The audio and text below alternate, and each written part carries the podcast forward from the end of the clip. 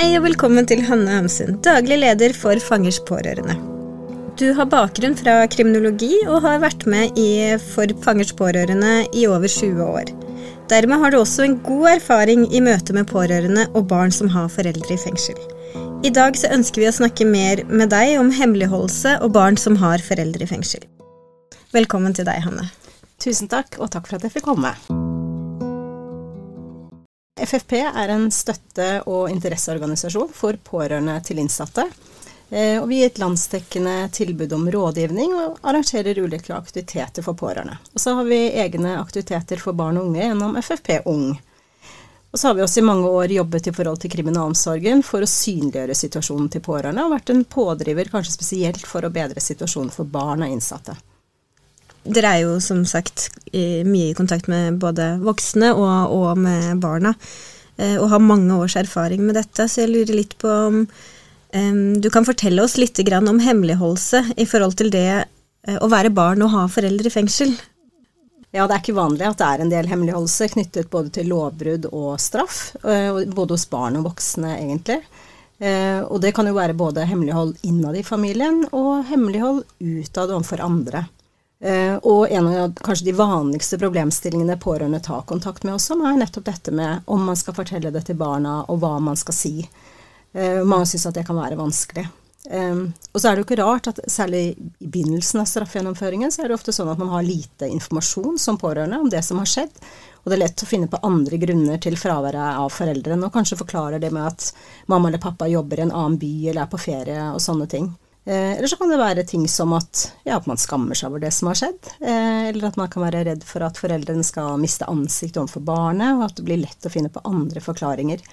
Men eh, oftest når pårørende tar kontakt med oss, er det fordi de nettopp ønsker å fortelle, men kanskje trenger hjelp og støtte til hva man kan si, og hvordan barna tåler å høre sannheten, og hvordan man kan gjøre det på best mulig måte for barna.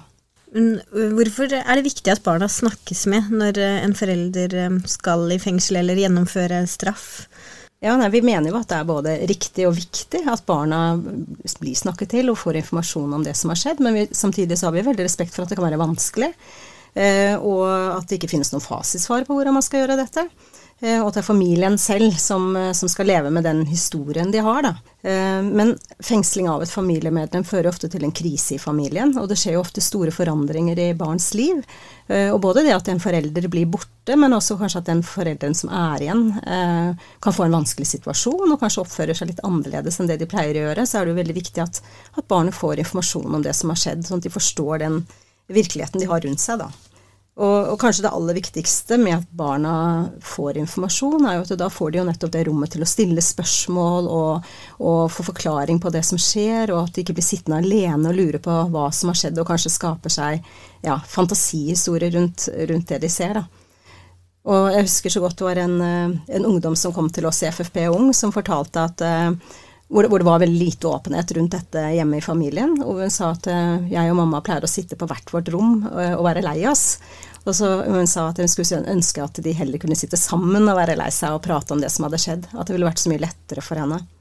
Ja, Det ville gi noe rom for å kunne håndtere følelsene bedre når man er sammen, enn å sitte hver for seg, antagelig. Ja, det er jo noe med det. Og selv om sannheten kan jo være vond, så gjør det allikevel situasjonen lettere for barna når de vet hvorfor ting er som det er i familien. Og så er jo alternativet kan jo være at eh, barnet får informasjon om dette fra andre. Eh, eller gjennom media til og med, og det kan jo være mye verre enn at eh, de som står barna nær og vil dem vel, forteller dette på en, eh, på, på en ordentlig måte.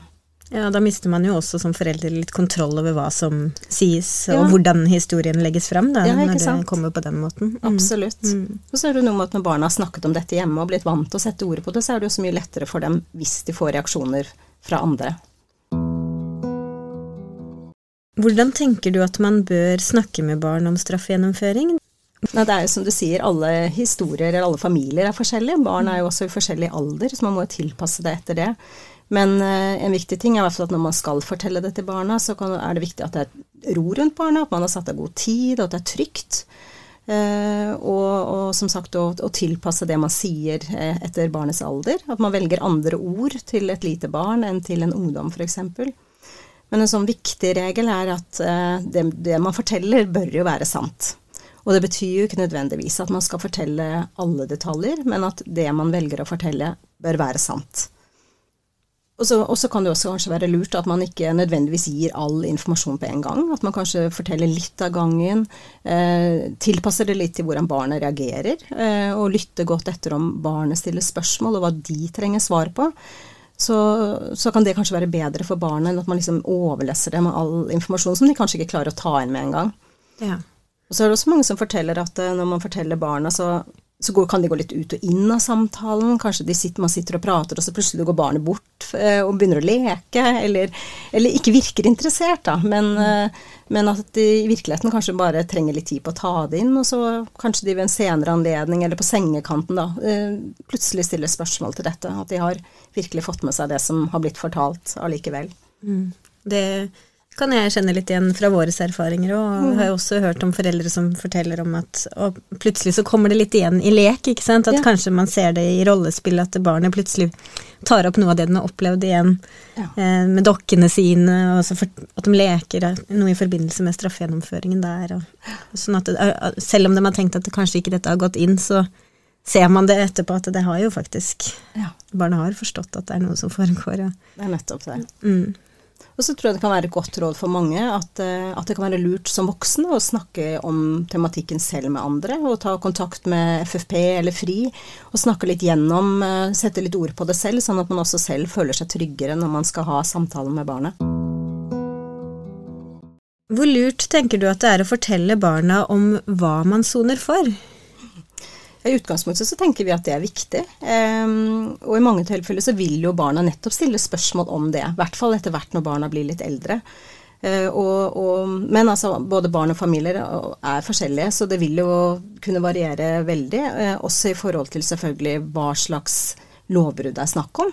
Uh, det er jo noen ting som det er vanskeligere å snakke om enn andre. Men i utgangspunktet så tenker vi at det er viktig å, å fortelle barna om hva det gjelder. Og da tror vi det er viktig å være konkret, eh, være ærlig, bruke enkle, men si, riktige ord på hva det er som har skjedd. Eh, ord som å slå, å stjele, eh, eller at man har kjørt bil og drukket øl, og at det ikke er lov, og at da kommer politiet, og man kan få en dom av, av rettsvesenet, da.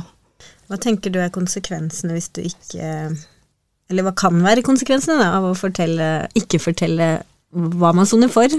Da kan jo konsekvensene være at man kanskje dikter seg opp en historie om hva som har skjedd, og av og til kan jo den også være verre enn virkeligheten. Så, og så er det noe med at barna må liksom få, få ting til å stemme rundt seg, og da, og da, vil jo nettopp det å få vite også hva det gjelder, være, være viktig. Mm. Og så tror jeg det kan være kanskje fristende eh, å, å, bortforklare eller å forenkle situasjonen litt. At man kanskje forteller at eh, pappa eller mamma var på feil sted til feil tid, eller at de var uheldige, eller at politiet var urettferdig. Men, men sånne ting kan ofte lett skape utrygghet for barna. Um, og, at, uh, og at, at, da kan man jo tro at man kan komme i fengsel uten en god grunn. Og jeg husker en gang eh, en familie fortalte at eh, pappa kom til fengsel pga. økonomisk kriminalitet, og så fortalte de barna at pappa kom i fengsel pga. en regnefeil. Og da ble jo gutten veldig utrygg. Altså han ble jo redd rett og slett for å, for å regne feil, og for at man kunne komme i fengsel uten at man hadde gjort noe ordentlig galt, da. Det er jo mange forskjellige typer form for eh, straff i dag. Man har jo hjemmesoning, og du har samfunnsstraff, og du har fengsel. Tenker du det er noe forskjell i forhold til det å fortelle eh, om hva som har skjedd, og hva som skal skje, eh, til barna i forhold til de forskjellige straffegjennomføringene? Altså Uansett hvilken form for straffegjennomføring som skal gjennomføres, så vil det jo kunne påvirke barnets liv. Og jo mer det påvirker barnets liv, jo viktigere er det jo at de får informasjon om det som har skjedd. Eh, og hvis foreldre f.eks. For soner hjemme, så er det jo slik at eh, både foreldrene og, og, hele familien egentlig blir påvirket av at man har en timeplan, man har faste tider man kan være inne eller ute. Eh, og, og, det kan komme kontrollbesøk fra friomsorgen hjem. Og da er det jo veldig viktig at barnet skjønner hva som skjer, og får informasjon. Og nå er det jo også slik at eh, når det gjelder eh, hjemmesoning, så er det jo kommet en informasjonsplikt om at alle barn som blir berørt av at foreldre skal sone hjemme, skal ha informasjon om at det skal gjennomføres straff i hjemmet. Og de har også rett til å uttale seg om, om straffegjennomføringen. Men så er det jo noen eh, noen barn som opplever at foreldre får en veldig lang dom. Eksempel så kan noen ha fått en 21-årsdom, som er det lengste mm. eh, vi kan ha, eh, og, skal, og, opplever at forelderen da må være borte under så å si hele oppveksten til barnet, da. F.eks. for eksempel for drap. Hva tenker du at man sier da? Eh, bør man fortelle hele sannheten, eller hvordan, hvordan går man fram til, i forhold til barn? Altså når det er snakk om en så lang dom, eh, og det faktisk skal eh, være en dom som varer nesten hele barnets barndom eller ungdom, så er det jo egentlig ekstra viktig at barnet får god informasjon. Eh, også i et slikt tilfelle så vil det kunne være sånn at man kanskje ikke sier alt med en gang. Kanskje barnet er veldig lite når, når, når hendelsen skjer og pappa eller mamma kommer i fengsel. Men det er noe med så mange år at det er viktig å ha en viss forutsigbarhet og, og det som skal skje. Eh, og kanskje, kanskje, man kan prøve å utporsjonere det litt da, og, og, dele det opp i litt faser. At først er det en periode hvor eh, mamma eller pappa skal sitte i et fengsel med høysikkerhetsnivå, og så kan man kanskje kommer til et annet fengsel, og at det vil bli litt endringer underveis. At man liksom deler det litt opp eh, i etapper. Men, men, kanskje også særlig når det er en alvorlig dom, at det er viktig og riktig at barnet får vite hva det gjelder også. At de på en måte har en liksom rett til å få vite det. Altså det, mm. Hvis de skulle eventuelt senere i livet få vite det andre, hva det egentlig var mamma eller pappa satt for, så kan jo det oppleves som et stort svik også. Og noen gang, hvis det er en veldig alvorlig kriminalitet, eller hvis det er rettet mot barnet selv f.eks., eh, eller hvis det er mye gjentatt kriminalitet, så har jo barnet også lov til og kan trenge støtte på å ta avstand fra foreldrene i, i enkelte tilfeller, da. Mm. Og så er det jo litt som du sier, det her med at det Antagelig vil det jo komme til barnet på et eller annet vis. Mm. Til slutt, uansett om det så skjer der og da, er jo ikke sikkert, men kanskje mange år etterpå, eller ja. Og det å få vite det av andre da vil jo kunne oppleves veldig vanskelig. Mm. Finnes det noen eksempler der man ikke bør fortelle til barnet om hva som har skjedd, eller fengslingen, eller noe sånt? Har du noen tanker om det? Så utgangspunktet ikke eh, at barn i de aller, aller, aller fleste tilfeller har absolutt best av å vite det. Altså Unntaket måtte da kanskje være hvis det er veldig korte dommer, eller barna er veldig små. Eh, men også da vil jo barnet kunne få vite det av andre etterpå, og at det oppleves som et svik. Da. Så det beste er nok at barnet i alle tilfeller får vite hva som har skjedd. Men, men, det finnes helt klart saker som det er vanskeligere å snakke med barn om enn en eh, andre saker. Eh, og det kan jo f.eks. gjelde forhold knyttet til seksuallovbrudd. At det er kanskje ofte sånne dommer man tenker at barnet ikke eh, har godt av å få informasjon om, eller ikke trenger informasjon om. Men, men, også i slike saker så kan det barnet få vite dette gjennom media eller fra andre, og kanskje ekstra viktig at de faktisk er rustet til å kunne svare på spørsmål, eller at de selv er orientert om saken. Så selv om det kan være ekstra vanskelig å snakke om ting som, som barna på en måte ikke har forutsetninger til å forstå, kanskje ikke har ord til å snakke om, og kanskje som vi og voksne også kan synes at det er vanskelig å sette ord på, da så, så, er det nok også i slike saker viktig at barna får en informasjon sånn at de er orientert om det som har skjedd. Og at man også i sånne saker bruker konkrete ord og er ærlig da, på det som har skjedd. Ja, At man ikke forteller litt sånn halvt Eller sånn ja. at det er rom for tolkning for barna i hva som egentlig ja, ligger bak dommen der. Ja. Og, og barn i, i, dag lærer i hvert fall noe mer om kropp grensesetting og sånne type ting enn det i hvert fall jeg gjorde da jeg var liten. Eh, at det kanskje går an å ta litt utgangspunkt i ting som barn har snakket om i barnehage eller skole, og, og bygge det litt ut derfra, da. Mm. Men ikke nødvendigvis alle detaljer, og ikke liksom for, for ting som blir for, for, grusomt for barn å høre, da.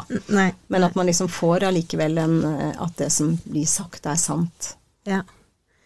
Jeg har jo snakka med foreldre før som syns nettopp det her er vanskelig med å fortelle en ting er at man skal i fengsel, men det å fortelle liksom hvorfor mm. man skal det, og det man har gjort Både som du sa i stad, kanskje dette at man skammer seg, men også liksom få tilbakemeldinger at hvis jeg sier det, så har jeg på en måte gjort noe som er så galt, og så skal jeg også være et forbilde for barnet mitt og lære barnet mitt hva som er rett og galt. Eh, hvordan kan jeg være det forbildet, ikke sant? Mm. Hvordan tenker du at man kan snakke sånn at man fremdeles kan beholde og være det forbildet som lærer barnet hva som er rett og galt?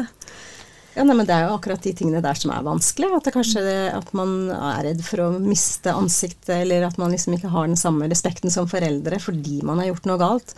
Men det er jo også noe med å være ærlig da, og stå for det man har gjort. At det kan være en veldig viktig ting for barnet både å høre om og, og lære. Og så er det jo noe med å, å snakke med barn om at, eh, at, det er lov å være glad i en forelder selv om man har gjort noe galt. Altså dette med å skille mellom handling og person, som, som kanskje kan høre enkelt ut å si, men, men det er allikevel så viktig at selv om man har gjort noe galt, så kan man fortsatt være en god forelder og, og være kjempeflink på andre ting og være snill, og man kan ha andre viktige egenskaper som jo barna ofte kjenner. Mm. Sånn, at, eh, sånn at dette handler jo ikke om hele hele mamma eller hele pappa. Det er, det er en, en, hendelse som har skjedd, og som, som det er veldig fint da, hvis foreldrene kan stå for og, og, og fortelle om selv, mm. aller helst. Og gjennom å gjøre det, så tenker jeg også at man er med på å vise at man tar ansvar for, for det man har gjort. Og det er jo også mye læring for barna. Det at Absolutt. man ser at foreldrene tar ansvar og forstår at jeg har faktisk gjort noe galt, men det skal jeg ta ansvar for nå. Det er mitt ansvar. Nå skal jeg gjøre opp for meg. Og jo, og jo mer foreldre klarer det, å stå for handlingen og ta ansvaret, jo mindre skyld og skam føler jo barnet på selv. Så det er jo en viktig grunn til at, eh, til at man bør være ærlige og fortelle barna om hva som har skjedd. Kan du fortelle litt mer om deres opplevelser rundt det, når foreldre skal fortelle barna om dette med fengsling og straffegjennomføring og sånn, og ja, det de har gjort, da. Eh, forteller mor og far det samme, eller hvilke erfaringer har dere rundt dette? Det er selvfølgelig absolutt det beste hvis mor og far forteller den samme historien, og så er det jo ikke alltid slik.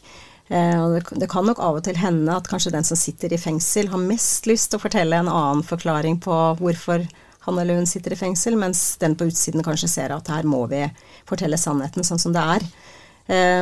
Og det er kanskje helt unaturlig at man kan tenke litt forskjellig, men, uh, men det, det, er jo viktig at barnet ikke får forskjellige forklaringer, for det kan jo være veldig forvirrende. Så det beste er jo når mor og far snakker sammen og blir enige om hvordan man kan si det. Og jeg syns det er veldig fine samtaler. Av og til kommer jo nettopp både mamma og pappa sammen eh, for å ha en samtale kanskje i forkant av soningen, og har veldig nettopp det for øye hva kan vi gjøre for at dette skal bli best mulig da, for barna våre. Um, og det er veldig meningsfullt. Og det er nettopp det å ha barnets beste i fokus eh, som er viktig. Men hvis man har valgt å fortelle om, eh, om dette til barnet, eh, eller barna, hvem andre rundt barna tenker du at bør være informert, eller bør det være noen andre enn selve mamma og pappa som vet om dette? Mm. Ja, nei, Det kan nok være en god ting at en annen trygg voksenperson som barnet har rundt seg i hverdagen, også er orientert om det som har skjedd. F.eks. en i barnehagen eller en på skolen. Helsesykepleier. Vi har vi mange gode eksempler at man har hatt en viktig og god eh, relasjon til en sånn situasjon. Um, for det er jo nettopp det at det er, at det er noen andre der i hverdagen som kan ta vare på barna hvis de har en vanskelig dag. Og så er det jo mange som syns det er godt å kunne fortelle det til en bestevenn, f.eks. Ja. Eh, mens andre velger jo å fortelle det kanskje til hele klassen. Ja. Så det er jo veldig forskjellig hva barnet ønsker selv, og det, det er en viktig ting at barnet må være med på eh, eh en samtale rundt hvem man ønsker å fortelle det til, og kanskje snakke litt om konsekvensene av å fortelle det. Håper holdt på godt og vondt. Mm. Eh, men at barnet er med å bestemme. Eh, og kanskje så ser man at eh, på de helt små barna så er det jo vi voksne som ofte tar de valgene for barna, og bestemmer at vi forteller det til skolen eller barnehagen. Men jo eldre barna blir, når de blir ungdom, så har de ofte enda mer behov for å eie historien sin selv og ha mer kontroll selv på hvem som skal vite eller ikke. Og de kan jo oppleve det da som nesten helt feil at en, en lærer på skolen vet det, f.eks. At det i hvert fall er veldig viktig at de er med på å mene noe om det, da, av hvem som skal involveres i det. Ja. Du var jo inne på dette her med, med skole. Eh, og det er jo mange som lurer, foreldre som kommer til oss også, og sikkert til dere, og som lurer på bør jeg fortelle det til skolen, bør alle i klassen til barnet mitt vite om det eller ikke? Eh, hva slags erfaringer har dere med det, eller hva slags råd kan man gi rundt det? Nei, igjen så tror jeg det er viktig at, at eh, noen på skolen vet, i veldig mange tilfeller. Eh, og at barnet må få være med på å bestemme hvor mange som skal vite, om det er én i klassen eller om det er hele klassen. Eh, og det er jo også noen som velger å fortelle det eh, både til hele klassen, men også ta det opp på foreldremøte. Og det kan jo være saker hvor det har vært mye medieoppmerksomhet rundt saken, sånn at man vet at alle vet, uten at det egentlig er kommet noe informasjon fra familien det gjelder selv. Så det er jo noen som velger å gjøre det, og fortelle det til alle. For det er jo ofte litt mangel på informasjon. Og så, og så, er det igjen dette med at barna er på skolen hver dag. Og det at eh, f.eks. en lærer kjenner til, kjenner til, situasjonen kan gi en veldig trygghet. Og det er jo litt sånn at når du har en forelder i fengsel, så barnet bruker utrolig mye kapasitet på å tenke på det. Altså de har det ofte med seg hele tiden. Det kan jo føre til at man får dårlig konsentrasjon på skolen, eller at man ikke klarer å prestere så godt når man bør klare det. Og at man da har en sånn dialog med en lærer som skjønner situasjonen, og, og, og vet at eh, det kanskje ikke alltid er like greit. Eh, at det er veldig viktig. Jeg husker en veldig fin historie hvor, hvor, et barn hadde det nettopp sånn at det var ikke hver dag som var god, og det var, kunne være tøft å være på skolen, og i hvert fall sånn å skulle prestere i klassen og, og, og delta på lik linje som alle andre eh, alltid. Og hun hadde en sånn regel om at hvis hun hadde lagt pennalet på en spesiell måte på pulten, så visste læreren at i dag har jeg det ikke så bra. Og da tok læreren spesielt hensyn til det, og kunne heller høre henne alene eller vente til en annen dag. Så det var en fin måte å ivareta den jenta på. Noen velger jo å fortelle om lovbruddet og soningen sånn åpent i f.eks. klassen eller på skolen. Hva hvis barnet mitt blir mobba pga. det etterpå? Hva gjør man da? Ja, ehm, jeg vil, jeg vil, nesten si heldigvis syns jeg ikke vi hører så veldig ofte om sånne rene mobbesituasjoner. At det faktisk ikke skjer så ofte, selv om vi vet at det, det kan skje. Og barnet vil jo i hvert fall kunne oppleve at de får noen reaksjoner, eller at de får spørsmål. Uh, og da er det viktig at barnet er litt forberedt på det. Uh, og, og, det er klart at et barn som er vant til å snakke om dette hjemme, eh, vil jo også mye lettere kunne møte nettopp spørsmål og reaksjoner fra andre. Så det, det, å snakke med barnet hjemme beskytter jo rett og slett barnet, i hvert fall til en viss grad, da, overfor reaksjoner som de kan få fra andre. Og det, og det, kan være lurt å være sånn helt konkrete. At man, faktisk, at man snakker med barnet. Hva kan du si hvis noen spør? At man nesten kan øve inn en setning eller to utenat. Sånn at barnet også føler at de er trygge på å kunne gi et svar hvis noen spør. Ja, for da slipper de å stå der og måtte finne på ja. svaret der og da og bli veldig usikker i situasjonen på om man sier noe som ikke burde vært sagt, eller om man ja, uh, ja får problemer på, mm. på, å svare for seg, da. Mm. Men hvis det blir en mobbesak, og er i noen tilfeller så kan jo det skje, så er det jo veldig viktig at man selvfølgelig inkluderer skolen, som skal være med å håndtere en sånn sak, da. Er det noe mer rundt dette med hemmeligholdelse og det å fortelle barna som du tenker at vi ikke har fått belyst i dag, som du har tenkt på? Altså, det vi kanskje ikke har snakket så mye om, er det at når man forteller barna, så må man også eh, la barnet få lov å reagere. Eh, altså det at barnet, Når barnet får informasjon om at en forelder har gjort en straffbarhandling og sitter i fengsel og kanskje skal sitte der en stund, så er det jo helt naturlig at barnet får reaksjoner. At barnet kan bli lei seg, eller at barnet kan bli sint. Eh, og at det er viktig at man lar barnet få ha de reaksjonene. Og, det at man reagerer, betyr jo ikke at det var feil at man fortalte. Men at det er kanskje både viktig og, og helt naturlig at, at man eh, reagerer. Mm. Så hvis man, liksom, hvis man, klarer å skape et rom hvor det, hvor det, er lov å stille spørsmål, hvor det er lov å reagere, um, og ta opp ting man lurer på, da, så, så har man gjort mye for å for å frata barnet skyld og ansvar rundt det som har skjedd, og at det blir lettere for barnet å leve med situasjonen. Og så er det også noe med at mange barn kan føle seg veldig alene i situasjonen og ha en forelder eller et annet familiemedlem i fengsel. Eh, at det er viktig at man snakker med barn om det, at man ikke er alene. At det fins andre barn og unge som også opplever å ha foreldre som sitter i fengsel eller gjennomfører annen straff. Eh, og så kan det være veldig bra for barn og unge å møte andre barn og unge som har erfart det samme. Og da er det jo nettopp så flott at man har tilbud som både FRI og FFP, hvor barna kan komme og møte andre barn i en lignende situasjon, og, nettopp oppleve det at de ikke er alene. Og se at de andre barna er vanlige barn, de også, som har opplevd noe litt vanskelig i livet, da. Mm, mm. Absolutt. Tusen takk, Hanne. Det var veldig hyggelig å ha besøk av deg i dag. Eh, og få høre litt mer om dette med å snakke med barn og hemmeligholdelse, og hvordan det påvirker barna, og hvordan dere jobber. Tusen takk for at jeg fikk komme, og for at dere har tatt opp et veldig viktig tema.